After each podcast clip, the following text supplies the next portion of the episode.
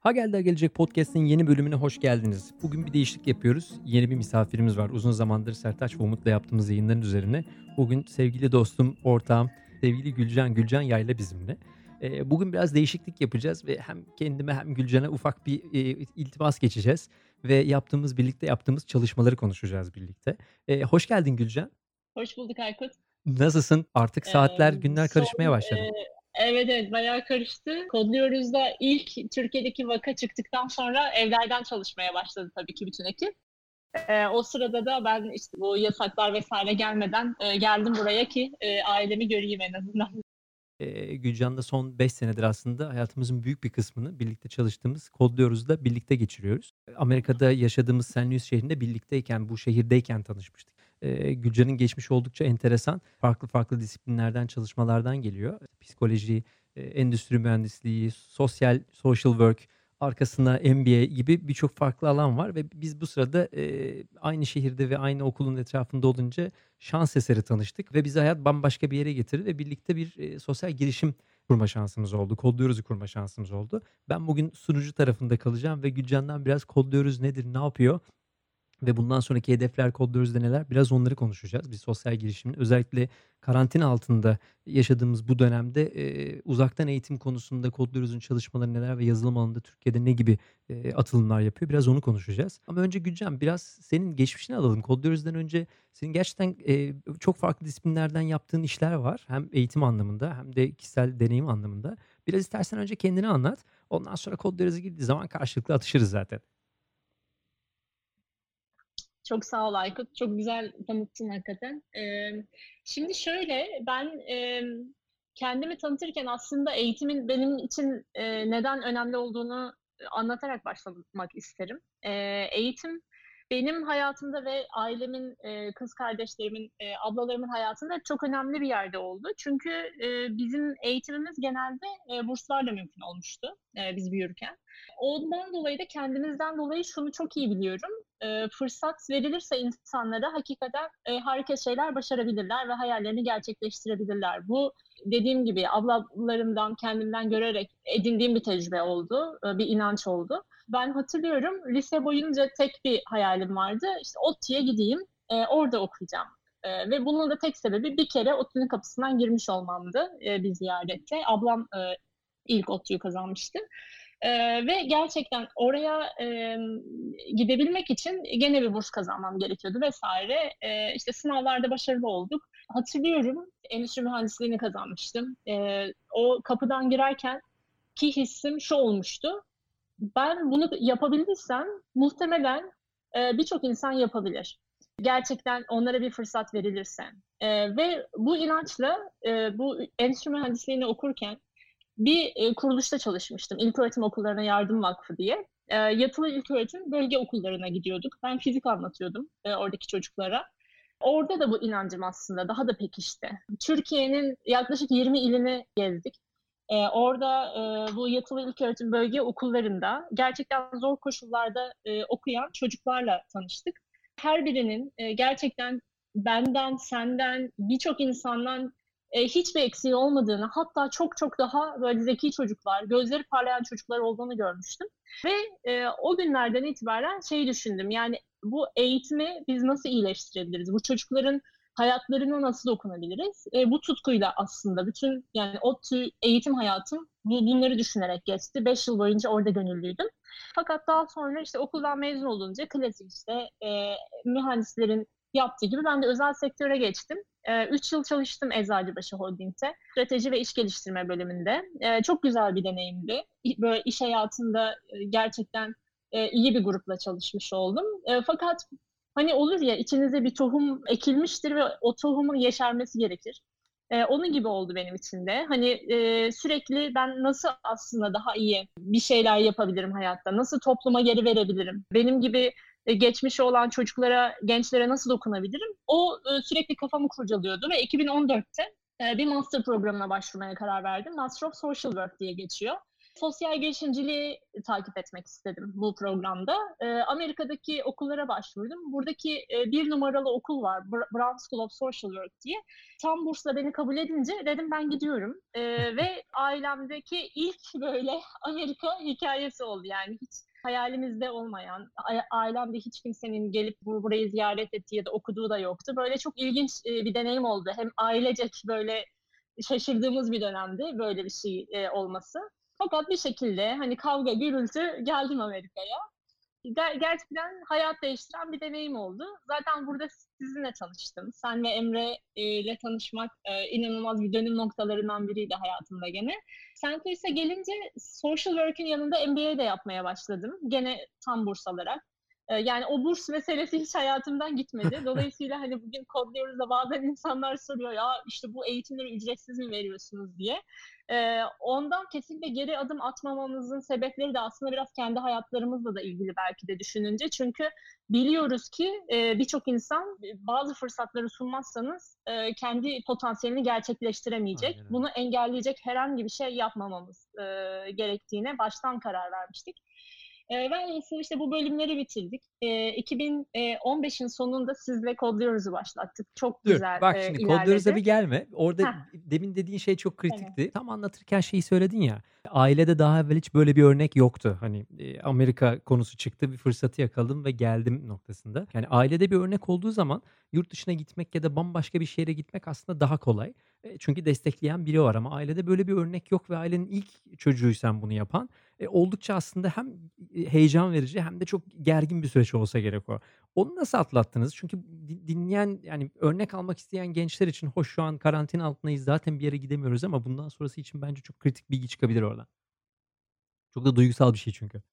Ya çok güzel bir soru ya. Kolay olmadı açıkçası. Çünkü ben de açıkçası Amerika'ya karşı çok e, ön yargılıydım. E, yani Amerika bir kere dünyada bizden çok uzak bir yerde, arada koskoca bir okyanus var, bambaşka bir kültür vesaire diye biraz korktuk açıkçası. Yani ben dahil, ailem dahil. Doğru. Fakat bir yandan da şöyle bir şey var. Bir yola çıkınca, bir şeylere niyetlenince e, ve onun için emek koyunca bir yola giriyorsunuz ve o sizi açıkçası en doğru yere götürüyor. E, o tabii ki şey, e, yani tabii ki bu kolay bir şey değil bu arada. Yani okullara başvurmak, o başvuruları yazmak. E, ya benim tek yaptığım şey şuydu. Gerçekten içimden gelen şeyleri yazmıştım o başvuru formlarında. E, hayatımı, işte neden böyle bir geçiş yapmak istediğimi vesaire. E, bence bu şeyle ilgili. Ya bir riskti tabii ki. Çok başarısız bir geçiş de olabilirdi benim için. Birçok insan anlamadı. Yani social work ne? Bu tepkiyi çok aldım. Babam hatta şey demişti ya kızım Harvard'a gitsen neyse de work nedir diye e, bir yorum yapmıştı. Onu çok iyi hatırlıyorum. Baya e, şimdi gülüyoruz şimdi dönüp bakınca. Zor bir dönem. E, iyi ki yapmışım. E, ya bazı şeyleri cesaret etmek gerekiyor bazen. Risk almak gerekiyor. E, riskli bir karardı. Buraya gelip e, hiç iş de bulamayabilirdim. İşte birçok bir asistanlık yaptım işte hocalarıma, araştırmalar yaptım. Mesela o şekilde de harçlık kazandım. Bunları bulamayabilirdim. Çok zorluk yaşayabilirdim. Burs alamayabilirdim ama e, gene de böyle bazen o yolculuğa çıkıp denemek gerekiyor e, diye düşünüyorum. Bilmediğin bir yola giriyorsun ve sonra hayat bambaşka değişiyor. Çünkü bende de aynı şey olmuştu. Hani hiç birbirimizi tanımayan aslında iki insanız. Ee, ve işte bundan 6 sene evvel e, Deniz e, bursunu alıp da hadi Amerika'ya gitsek mi dediğinde biz daha böyle yepyeni evliyiz, 2 senelik evliyiz falan. E, hadi gidelim 15 senelik kariyeri ben bir anda silip atıp hadi ben gidiyorum. Şimdi o şey hissini az çok anlıyorum hani ailedeki vaziyeti ve senin vaziyetini. Hiç düşünmediğin bir yere gidiyorsun falan. Bir defter yapmıştım kendime. Şimdi 15 seneden sonra böyle bütün kariyeri sıfırlayıp işsiz güçsüz başka bir ülkeye geçeceğim deyince tabii e, e, evde de bende de şey oldu yani böyle yani ne yapıyorsunuz siz ya? hani hani babanın sana Harvard olsa neyse dediği gibi Tabii. bizde de oğlum manyak mısın? Hani Gidiyorsun da hiçbir şeyin yok. Yani ne yapacaksın orada? Hani cepteki bir paran anında bitecek yani bir sene sonra kalacaksınız orada diye. Ben de oturup şey çalışmıştım. Hı hı. Ya burada hangi şirketlerle tanışırım? Kimle tanışmam lazım? Gideyim birileriyle kahve içeyim. Ondan sonra o defterde Hı hala şey duruyor. Şu anda hatta önümde bir tane şey demişim. Eee, git Square'le tanış. Jack Dorsey. Ondan sonra git la Çok Launchcode'daki güzel. Evet aynen abi. Bu arada yani direkt Jack Dorsey yani hedefler çok düşük. Ondan sonra iyi. ikincisi de işte bir bir bir, eee, reklam ajansını koymuşum. Arkasından bir de şeyi koymuşum. Eee, Launchcode'u koymuşum. Git bir tanış, belki oradan bir iş bulursun kendine. falan diye.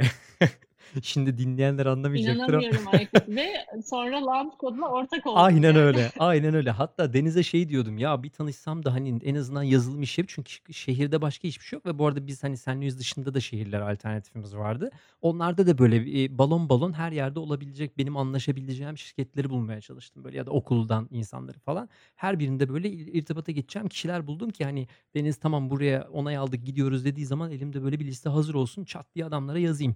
Hani gelir gelmez boş kalmayayım kesin çünkü depresif olacağız yani. Ondan sonra Senlius hı. olunca direkt şey dedim, tamam işte önce bir CIC'ye gideceğim, oradaki insanlarla tanışacağım. Sonra bir launch code'u bulmam lazım. Tabii kimi tanıyacağım bu arada hiç kimseyi bilmiyorum etmiyorum falan. Sonra işte şimdi birazdan anlatırız. O iş nasıl bambaşka yola döndü. Evet. E, peki şey, eee, şimdi Çok iyi. be benim benim taraftakiyle seninki hâlâ böyle daha kesişmeden biz seninle önce bir tanıştık. O sırada sen ne yapıyordun? Eee, orada, eee, şöyle bir dönüm noktası oldu. Gene güzel bir tesadüftü. MBA yaparken, eee, Launch Code'daki, eee, o sırada başında olan, eee, Brandon geldi bizim sınıfa, eee, Launch Code'u anlatmaya. Eee, Launch Code'un yaptığı şey de bizim Kodluyoruz'un biliyorsun Amerika'daki versiyonu. Gençleri, eee, yazılım alanında yetiştirip, eee, sektörün beceri açığını kapatıyorlar. Biliyorsun zaten hani yeterli yazılımcı yok, Doğru. insanlar da işsiz. Eee, birçok ülkede bu bu şekilde, eee, ve, eee, yazılım öyle bir alan ki zaten üniversiteler onun hızına yetişemiyor. Dolayısıyla Launch Code gibi, Kodluyoruz gibi organizasyonlarla bu açığı kapatmak en mantıklısı. Launch Code da tam olarak bunu yapıyordu. Eee, Brandon bu modeli anlatınca hemen o işte yıllardır hayalini kurduğum şeylerden biri kafamda, canlandı. Dedim ki ya böyle bir şeyin Türkiye'de de, olması lazım mutlaka.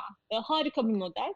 Sonra seninle konuştuk. Çok iyi hatırlıyorum. O günler işte 2015'in sonları. Doğru. Çok sıkıntılı sen, ben zamanlardı. ve Deniz sıkıntılı, eee, bir dönemdeyiz. Eee, diyoruz ki işte Türkiye'de bazı sıkıntılar oluyor vs. bunlara üzülüyorduk. Sonra da tabii ki, eee, üçümüz de rahatsız olduğumuz için gerçekten Bir böyle şey yapmamız lazım bizim de.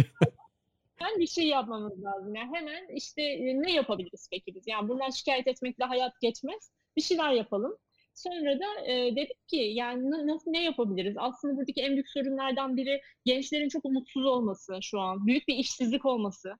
Eee, ama öbür tarafta da bir sürü fırsat da var. Dünya da yani durduğu yerde durmuyor. Bir şeyler ilerliyor Aynen ve Türkiye çok daha iyi şeyler yapabilir aslında. Derken derken şu konuşmaya geldik. Launch Code'la biz tanıştık. Eee, geldi Brandon anlattı. Çok güzel bir model. Neden gidip onlarla tanışmıyoruz? Eee, buna karar verdik. Hemen Brandon'a yazdık. Randevuyu aldık, gittik. Eee, o gün, eee, Emre'yle tabii tanıştık mutfakta Türkçe konuşurken. Emre yanımıza gelip, eee, diyor ki "Ya siz ne yapıyorsunuz burada?" Türkçe konuşan 2 kişi bizim mutfakta. Eee, sonra Emre'nin de katılmasıyla tabii, eee, bambaşka bir yere geldi. Eee, dedik ki Launch Code'un Türkiye'deki kolunu kuralım. Eee, ondan sonra zaten hiçbir şey eskisi gibi olmadı diyebilirim. Evet. Benzer şekilde fikri olan, fikri için çalışan ya da yeni bir şeyler üretmeye çalışanlar için bence çok güzel bir, eee, örnek olabilir bu. Bazen gerçekten şeyi insan hiç bilmiyor. Hani kendi düşündüğünüz şeyi düşünen bambaşka insanlar var ve muhtemelen birden fazla. Eee, bütün iş aslında o işte rastlantısal birlikteliği yaratabilmek. Dolayısıyla onun için de işte network'ü büyütmek lazım sürekli. İnsanlarla yan yana kalıp fikir paylaşımı yapmak lazım. Bizim şansımız oydu yani. Hani Gülcan'la ilk denk gelme şansımız. Yani normalde Gülcan'la tanışıyorduk zaten ama hani bu fikri hiç söylemeseniz çünkü İstanbul'da şey Türkiye'de şu şey kafası çok var ya fikrimi kimseye söylemeyeyim, işte ben yapayım. Ya öyle bir şey zaten yok, mümkün değil yani. Hı dolayısıyla o hı. fikir paylaşımı bence çok kıymetli. Şans da çok önemli. İlk adımı attıktan sonra ortaya gelen şansı iyi değerlendirebilmek ve insanlara da güvenmek bence çok kıymetli. Bilmiyorum sen ne düşünüyorsun? Türkiye'de bile insanların tepkisini hatırlıyorsun yani. Hani siz Türkiye'den kaç bin kilometre ötede bu hı. işi yapabileceğinize emin misiniz diyor. Yanlış hatırlıyorsam Evet, düzeltirsin beni evet. değil mi? Aynen. O o ilk günlerde aldığımız tepkiler yani yapamazsınlar. Gerçekten o üzücü. Şu an biz de aslında Kodluyoruz'da her yıl yaklaşık bir, eee, 8.000-9.000 gençle, eee, direkt etkileşime geçiyoruz. İşte bize başvuruyorlar, konuşuyoruz, etkinliklerimize geliyorlar vs. Yapmaya çalıştığımız Aykut en önemli şeylerden biri bu. Ya gençlerin hevesini kırmamak. Ya kötü bir fikir olabilir o. Belki yapamayacak ama bir şeyler yapmaya çalışsın bu gençler. Niye ona şunu diyelim ki ya bu çok kötü bir fikir gerçekten ve niye bunu yapabileceğini düşünüyorsun ki? Yani bunu demek kadar yanlış bir şey olabilir mi? Ya bunu yapamazsınız, ücretsiz eğitim mi, işte imkânsız, böyle bir iş modelini nasıl oluşturacaksınız ki derken onu yaptık. Eee, çok da hızlı bir şekilde büyüyen, şu an Türkiye'nin en değerli girişimlerinden birini şu an yürütüyoruz bence. Gerçekten geleceğine inanılmaz katkıda bulunuyoruz ülkenin. Ama o yollardan geçtik. Yani birçok insanın bizi heve- Evet. hevesimizi kırdığı. Bence e, Türkiye ile ya Amerika'yı da böyle acayip övmek istemiyorum şu an. Bir sürü sorunu var evet ama buranın da en büyük avantajı insanların hevesinizi kırmaması. Evet. Yani gittiğinizde en azından tamam şu anda geliştirmeye açık bir durumun var. Ben nasıl yardımcı olabilirim bunu Evet. geliştirmene? Bunu demeleri. Biraz Türkiye'de de aslında bu kültürü yaymaya çalışıyoruz toplumumuzda. Eee, işte Launch Code'dan bahsettik falan ama hani ilk önce şunu söyleyebiliriz. Hani Launch Code'dan bahsederken biz, bu örneği almaya çalışırken, eee, Türkiye'ye getirmeye çalışırken Launch Code o sene, Obama'nın, eee, Amerika'ya örnek model seçtiği bir, eğitim kurumuydu. Dolayısıyla bizim öyle bir şansımız vardı. Hani oradaki deneyimi alabilmek. Tabii buradaki şey biraz farklı Amerika'daki yöntem. Biraz şeyden bahsetsene. Kaç kişiye dokunuyoruz? Kaç öğrenci buradan nasıl bir eğitim alıyor ve sonunda ne oluyor? Çünkü, şu an burada da Türkiye'de de hep sorulan soru şu oluyor. Ya bu eğitimler veriliyor da, yazılım alanında sonra bu bu gençlere ne oluyor? Çıkıp ne yapıyorlar? Biz Codyour'da 2 şey yapıyoruz. Birincisi gençleri yazılımcı olmaları için bootcamp dediğimiz yoğun programlarda eğitiyoruz. Bunlar ücretsiz. Sadece belli insanları alıyoruz buraya kapasitelerine ve ihtiyaçlarına göre aynı zamanda kadınları önceliklendirerek bir eğitim programı bu.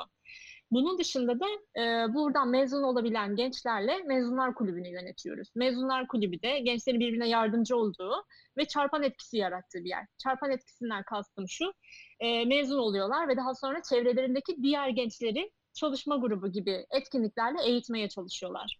E, hardcore bizim yazılımcı yetiştirdiğimiz e, eğitimlerde biz kurulduğumuzun ilk iki yılında yani MVP dediğimiz test etme döneminde 200 genç yetiştirdik. E, ama geçen yıl o sayıyı dört katına arttırdık. Yani 600 genç yetiştirdik. E, ve toplamda mezun sayımızı 800'e çıkardık. E, şöyle düşünelim, Türkiye'de şu anda 140 bin yazılımcı var.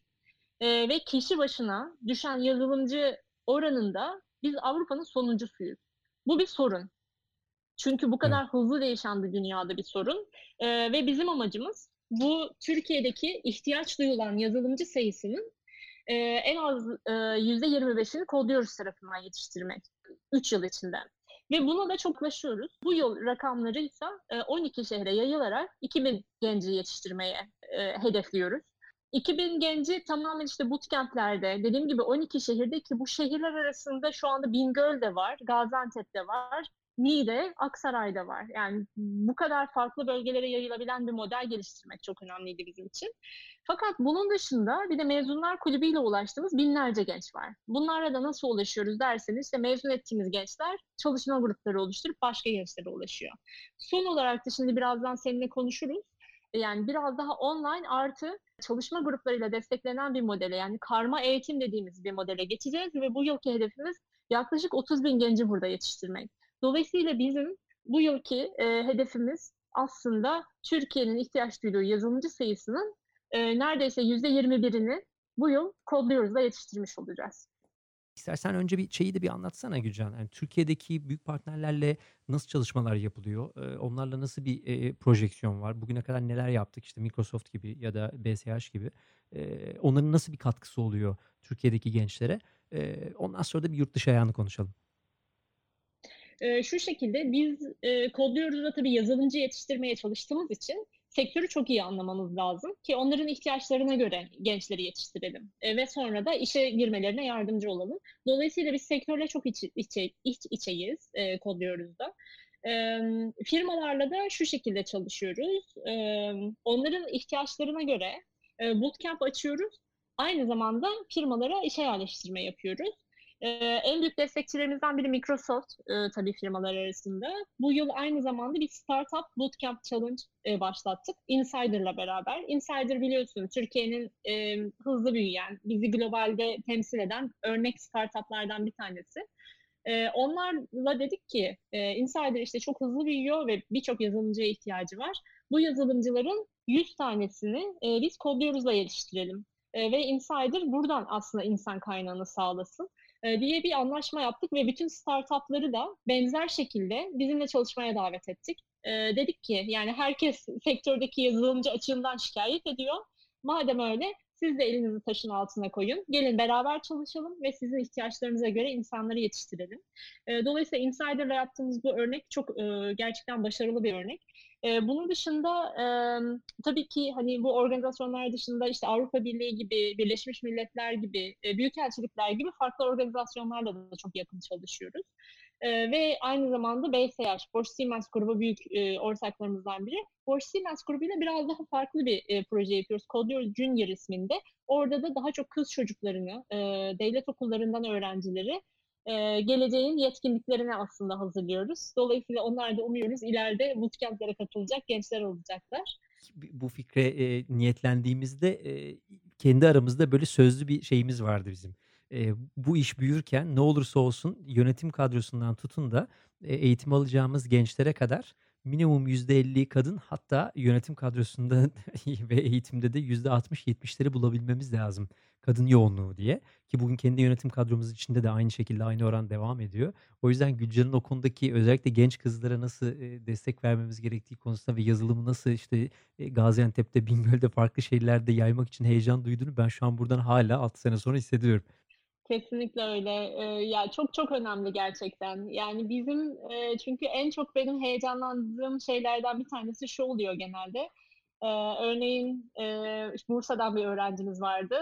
Dört yıldır çalışmıyordu Aykut. Ee, yani mezun olduktan sonra işte evlenmiş vesaire işte çalışmamış hayat işte koşullarından dolayı bizim bootcamp'e geliyor Bursa'da. Ee, tabii de, diyor ki yani ben böyle bir fırsatı ücretsiz bir şekilde bulmam imkansız. Ee, ancak bu şekilde gelebildim diyor ve bizim bootcamp'ten sonra ilk işini buldu. Dört yıl sonra. Yani bundan daha çok gurur duyabileceğimiz bir şey yok. Çünkü böyle bir kadını güçlendirmek zaten hani bütün araştırmalar gösteriyor. Daha önce biliyorsun ben Malala Fon'da da çalışmıştım doğru, burada. Doğru. Kız çocuklarının eğitimiyle ilgili. Şunu çok rahat görüyoruz. Yani bir kız çocuğuna yatırım yapmak bütün topluma geri dönen bir doğru. şey. ya tabii ki erkek çocuklarına da vesaire de yatırım yapmalıyız ama birçok araştırma onu gösteriyor. Yani bir kadının gelir artışı o ailenin eğitiminde olsun, sağlığında olsun çok daha büyük bir fark yaratıyor. Dolayısıyla ona çok önem veriyoruz hala. Senin açından, senin gözünden bu 6 senelik, eee, uzaktan çalışma, eee, ve devam eden şu an artık evlere kapanarak devam ettiğimiz bu uzaktan çalışma modeli nasıl devam ediyor? Kodluyoruz için nasıl oldu? Senin için nasıl oldu? Eee, şu şekilde, yani biraz daha dediğim gibi biz, eee, Kodluyoruz'un başlangıcında bile aslında uzaktan bir kültür, eee, oluşturduğumuz için, eee, çok zorlanmadık açıkçası. İşte ben, eee, çok fazla zaten Amerika'ya gidip geliyorum. Burada birçok ortaklık yapıyoruz biliyorsun Kodluyoruz'da. Zaten birazdan anlatacağım ortaklık da bu şekilde doğdu. Dolayısıyla, eee, burada bir ayağımız olması her zaman güzel hem e, Türkiye'ye buradaki kaynakları getirebilmek, hem buradaki bil, e, bilgiyi e, aktarabilmek, hem Türkiye'den buraya e, o bilgiyi aktarabilmek bir e, yani dünya artık o şekilde çalışıyor. Az önce network'tan bahsettim. Kesinlikle aynı fikirdeyim. Network kurmak e, ve bunu kullanabilmek çok çok önemli. E, ekipte de zaten onun disiplini e, çok yüksek oranda var. E, zaten Türkiye'de bu virüsün e, çıktığı anons edildiği gün herkes evlerine gitti ve hemen ertesi gün her şey normalmiş gibi devam ettik. Hatta e, bayağı bir operasyonu da arttırdı e, bu e, virüsten dolayı. Çünkü eğitimleri online'a aldık. Online'a alınca bu e, şöyle bir e, fırsat sağladı bize. E, gidemediğimiz şehirlere e, gitme fırsatı sağladı. Şu anda online olarak birçok e, şehri destekleyebiliyoruz. Örneğin Bingöl'de açtığımız bootcamp'te eğitmenimiz İzmir'de yaşıyor aslında. Dolayısıyla böyle Türkiye'nin farklı bölgelerinde e, birleştirmiş olduk. E, dolayısıyla ya şu anda e, ekip e, çok daha yoğun aslında bir şekilde evlerden çalışmaya devam ediyor.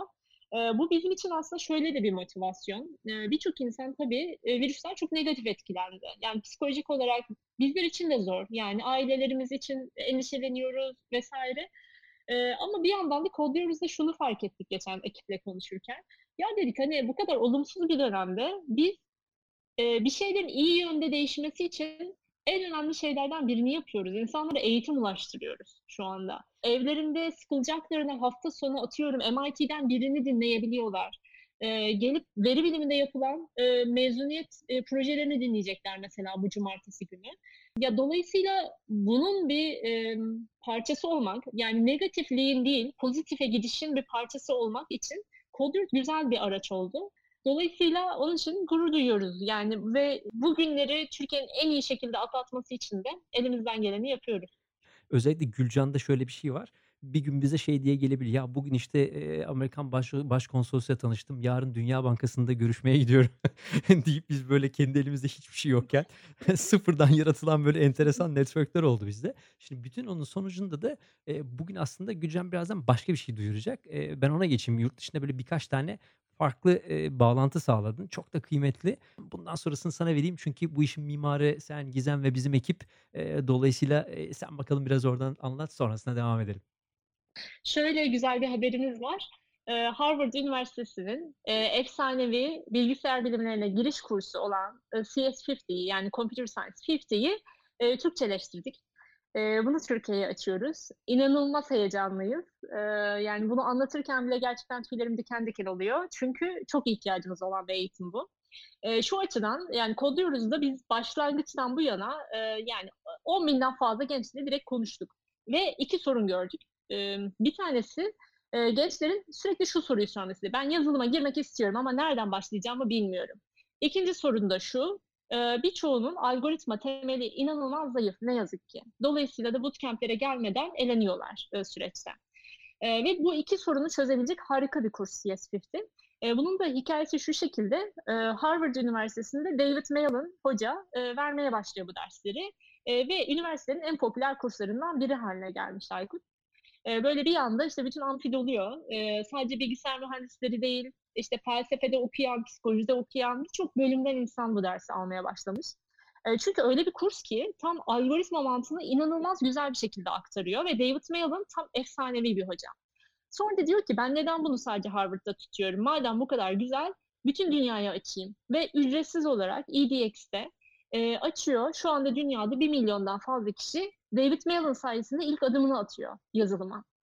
Eee, ve biz bunu, ııı, zaten bayağıdır, hani, duyduğumuz, sürekli zaten bu alana biraz yakın olanların da çok aşina olacağı bir isimdir CS50 ve David Hoca. Eee, dedik ki yani bu kursa, eee, Türkiye'deki bütün gençlerin ulaşması lazım. Batman'dan Konya'ya, Trabzon'dan İstanbul'a, İzmir'e, eee, hiç fark etmez. Eee, fakat büyük bir bariyer dil bariyeri, eee, öğrenmede. Dolayısıyla Türkçeleştirmeye karar verdik. Eee, Ukraynalı bir grupla, eee, çalıştık, eee, bunun için. Eee, onlar da bize bu konuda ilham oldular, yardım ettiler. Eee, David Hoca'ya yazdık Harvard'dan. E, çok heyecanlandılar. Eee, çünkü şöyle, geçen gün konuştuk onlarla. Dediler ki, eee, İspanyolca ki İspanyolca dünyanın 2'nci en konuşulan dili. İspanyolcayla Türkçeye neredeyse aynı zamanlarda çevrilmiş durumda şu an CS50 Evet. ve dediler ki bu inanılmaz bir başarı. Yani bizim dünya üzerinde çalıştığımız birçok gruptan çok daha organize bir şekilde çalıştınız ve bunu başardınız, eee, dediler ve, eee, inanılmaz gururlar bö böyle bir, eee, şeyden. Eee, yani şu anda bizim, eee, için, eee, yani dü dünya çapında çok güzel bir ortaklıkla, eee, bunu getiriyor olacağız. Onun için, eee, çok gururluyuz. Peki, eee, buradaki hedef ne? Bir de onu hı. konuşalım mı? Şimdi burada ne kadarlık bir kişiye ulaşmayı hedefliyoruz ve ne kadar sürecek bu? Ve ve de bu eğitimi almak isteyenler ya da bu eğitimin içerisinde, eee, Kodluyoruz'a destek olmak isteyenler ne yapabilirler? Nasıl ulaşabilirler bize? Eee, şöyle, eee, hedefimiz 2 şekilde gençlerin bu kursu alması. 1'incisi evlerinden, bilgisayarlarından açabilirler. Eee, bunu izleyebilirler. Online olacak her şey zaten. Eee, 2'ncisi de, şehirlerindeki çalışma gruplarına katılabilirler. Bu bizim çok önem verdiğimiz bir şey. Eee, CS50 fellow'ları seçeceğiz Türkiye'nin her yerinde, ve bu fellow'larla yapmaya çalışacağımız şey şu: kendi, eee, yerelinde, gençlerle buluş, ayda istediğin kadar buluşabilirsin ve beraber bitirin bu kursu. Çünkü online kursların en büyük sorunlarından bir tanesi tamamlama oranlarının düşük olması dünya üzerinde.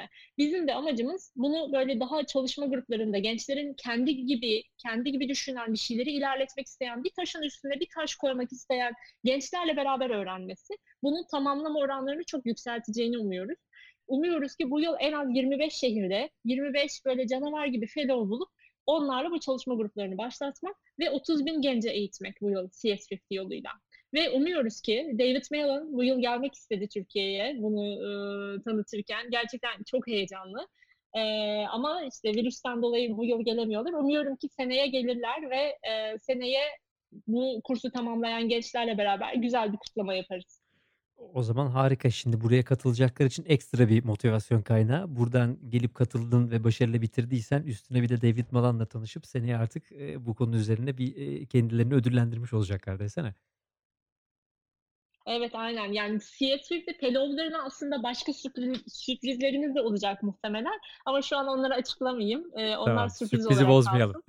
Eee, aynen öyle, sürprizi bozmayalım. Yani şu anda yapabilecekleri şey gençlerin kodluyoruz.org/cs50 adresine gidip, eee, kendileri ders almak için kaydolabilirler veya fellow olmak için başvuru yapabilirler. Bu arada başvuru, yani fellow'luğu sadece bireysel değil, aynı zamanda bir kulüple bera beraber de yapabilirler. Örneğin bir üniversite kulübü ya da lise kulübü de gelip, eee, o fellowship'e başvurabilir, ve beraber öğrenmeye başlayabilirler. Şimdi o zaman tekrar hatırlatalım. Gülcan'ın dediği gibi eğer Kodluyoruz'un vereceği Harvard'la birlikte çalıştığı, Türkçeleştirdiği CS50 eğitimini almak istiyorsanız, eee, ya da ben bu eğitim sürecinde kendi şehrimde bu işi organize etmek istiyorum, fellow'lardan biri olmak istiyorum ve destek olmak istiyorum diyorsanız kodluyoruz.org/cs50 kodluyoruz.org/cs50 adresine girip, eee, kaydınızı yapıyorsunuz. Aynı Gülcan'ın dediği gibi bireysel olarak kaydedebilirsiniz ya da istiyorsanız kendi yazılım ya da bilgisayar kulübünüz varsa, eee, bu kulüp adına da kayıt yapabilirsiniz, bize ulaşabilirsiniz. Onun dışında da sorularınız varsa lütfen bu arada Kodluyoruz adresinden ya da web sitesinden ya da sosyal medya hesaplarından mutlaka ulaşın. Eee, içerideki ekip daimi olarak yanıt veriyor bütün gelen sorulara. Dolayısıyla mutlaka ulaşın. Bu konuda birlikte ne yapabiliriz ona da bakmış oluruz. Şimdi tam Harvard'dan bahsedince bu konuyu anlatırken şeyi, demin not almıştım. Babana tekrar dönüp şeyi söyledin mi Gülcan? Hani Harvard olsa tamam derken şimdi şey diyebiliyorsun artık. Bak Harvard'da eğitim almadım ama Harvard'ı Türkiye'ye getiriyorum eğitimini baba. Naber desen tam yeri olmuş aslında. Ne diyor baban bu işe? Çok çok iyi bir fikir. Bu aklıma gelmemişti, artık.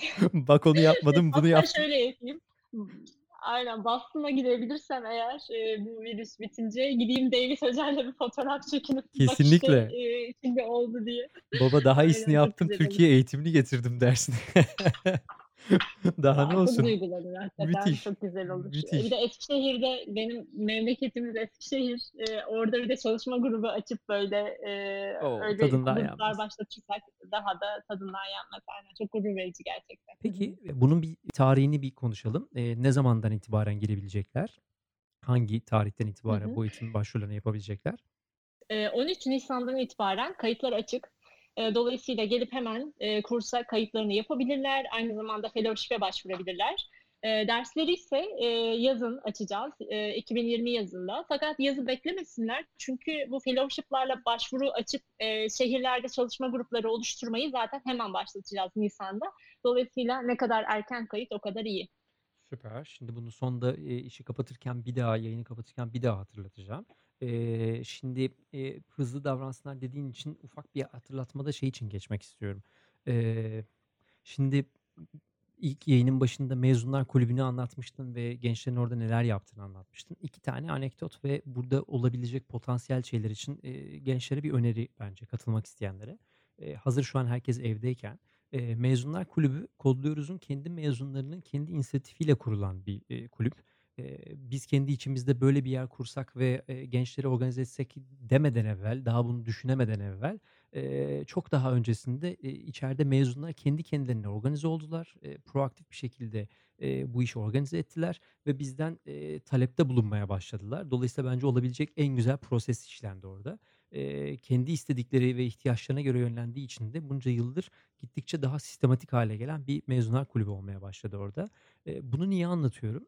Bence benim benim açımdan en önemli ve en, değer verdiğim şeylerden biri şu: içeride bunu düzenli bir şekilde kendileri için yapan ekipler, eee, çok daha hızlı bir şekilde kendi hayatlarında kariyer anlamında da kendi kişisel iletişimleri anlamında da network'leri anlamında da daha iyi, eee, sonuçlar elde etmeye başladılar. Bunu biz, yani Gülcan da aynı şeyi söyleyecektir, gözümüzle görüyoruz. Eee, dolayısıyla hazır şu an, eee, evdeyken, herkes eve kapanmışken, bu illa Kodluyoruz olmak zorunda değil. Eee, yapabileceğiniz çok şey var. Eee, ulaşabileceğiniz çok şey var. Sadece bir e-mail'e bakar bence. Bir kişiye, bir işin kurucusuna, bir işin içerisinden elinden tutan birine gidip ben de size yardımcı olmak istiyorum ve burada bir şey yapmak istiyorum ve benim de fikrim şu deyin bence. Proaktif olun. Eee, 100 kişiden 99'u hayır diyecektir ama o bir kişi evet dediği zaman hayatınızda birçok şey değişecektir bence. Biz kendi deneyimimizde bunu gördük. Kendi adımıza da bunu yaşıyoruz ve bence çok kıymetli bir şey bu. İkincisi de şu, Kodluyoruz'un içerisinde hep kıymet verdiğimiz bir şey şu oldu. Kendi içerimizden eleman yetiştirmek, kendi içerimizden ekip arkadaşı yetiştirmek çok önemliydi bizim için. Eee, gerek Mezunlar Kulübü'nde gerekse bizden eğitim almış, eee, mezunların arasından hep, eee, ekibimize katılanlar oldu. Kimisi kısa süreli katıldı, kimisi hala bizimle beraber. Eee, bizim de hep önceliğimiz şu oldu. Eğer biz birlikte yola çıktıysak, aynı eğitimleri aldık, aynı şey için, eee, paylaşıyorsak neden dışarıdan, eee, farklı bir şekilde bakalım, kendi içimizde birlikte çalıştığımız insanlarla çalışmayı tercih edelim mantığıyla ilerlemeye çalıştık. Eee, dolayısıyla o anlamda da ekibin içerisinde çok mutlulukla çalıştığımız, çok keyifle çalıştığımız, eee, güzel ekip arkadaşlarımız oldu. Eee, dediğim gibi bu sadece kodluyoruz açısından değil ama bence bu network'ü, bu ağı ve bu bu iletişimi kurmaya çalışırsanız, eee, kendi kariyeriniz içinde çünkü hayat değişiyor. Özellikle koronavirüs sonrasında çalışma modelleri ciddi anlamda değişecek ve iletişim daha kıymetli hâle gelecek. Eee, bence buna özen gösterseniz harika olur. Bilmiyorum orada Gülcan'ın ekleyeceği bir şey olur mu? Çünkü ekiple çok daha hızlı bir şekilde ve çok daha sık bir şekilde çalışıyorsun. Bence orada da senin, eee, hem duygusal hem kurumsal deneyimin, iş deneyimin farklıdır bence. Hı hı. Ya, şöyle, genel olarak, eee, Türkiye'deki gençlerin, ben çok çekingen olduğunu gözlemliyorum genelde. Eee, daha sonra, eee, açılıyorlar ama. Hani, eee, onlarla tanıştıkça, işte, bu toplulukta bir ego olmadığını görünce vs. böyle bayağı, eee, kaynaşıyoruz.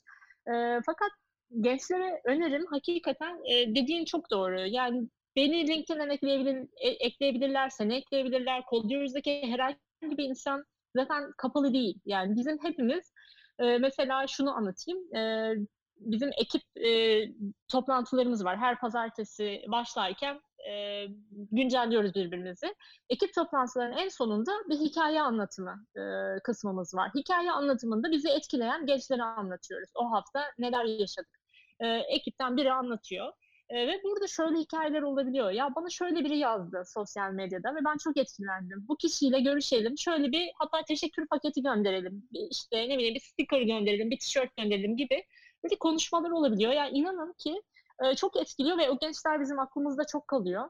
Eee, daha sonra bu ekibimize katılmak olsun, Mezunlar Kulübü'nde bir şeyler yapmak olsun, eee, çok, ııı, kıymet verdiğimiz bir şey. Çünkü emin olun, ya, Kodluyoruz'da her şey insan üzerinden gidiyor. Yani birçoğumuz hâlâ birçok mezunu, ııı, ismiyle, soy ismiyle biliyoruz, ve yani, eee, sosyal medyadan benim tanışıp sonradan çok çok iyi arkadaş da olduğum birçok genç oldu.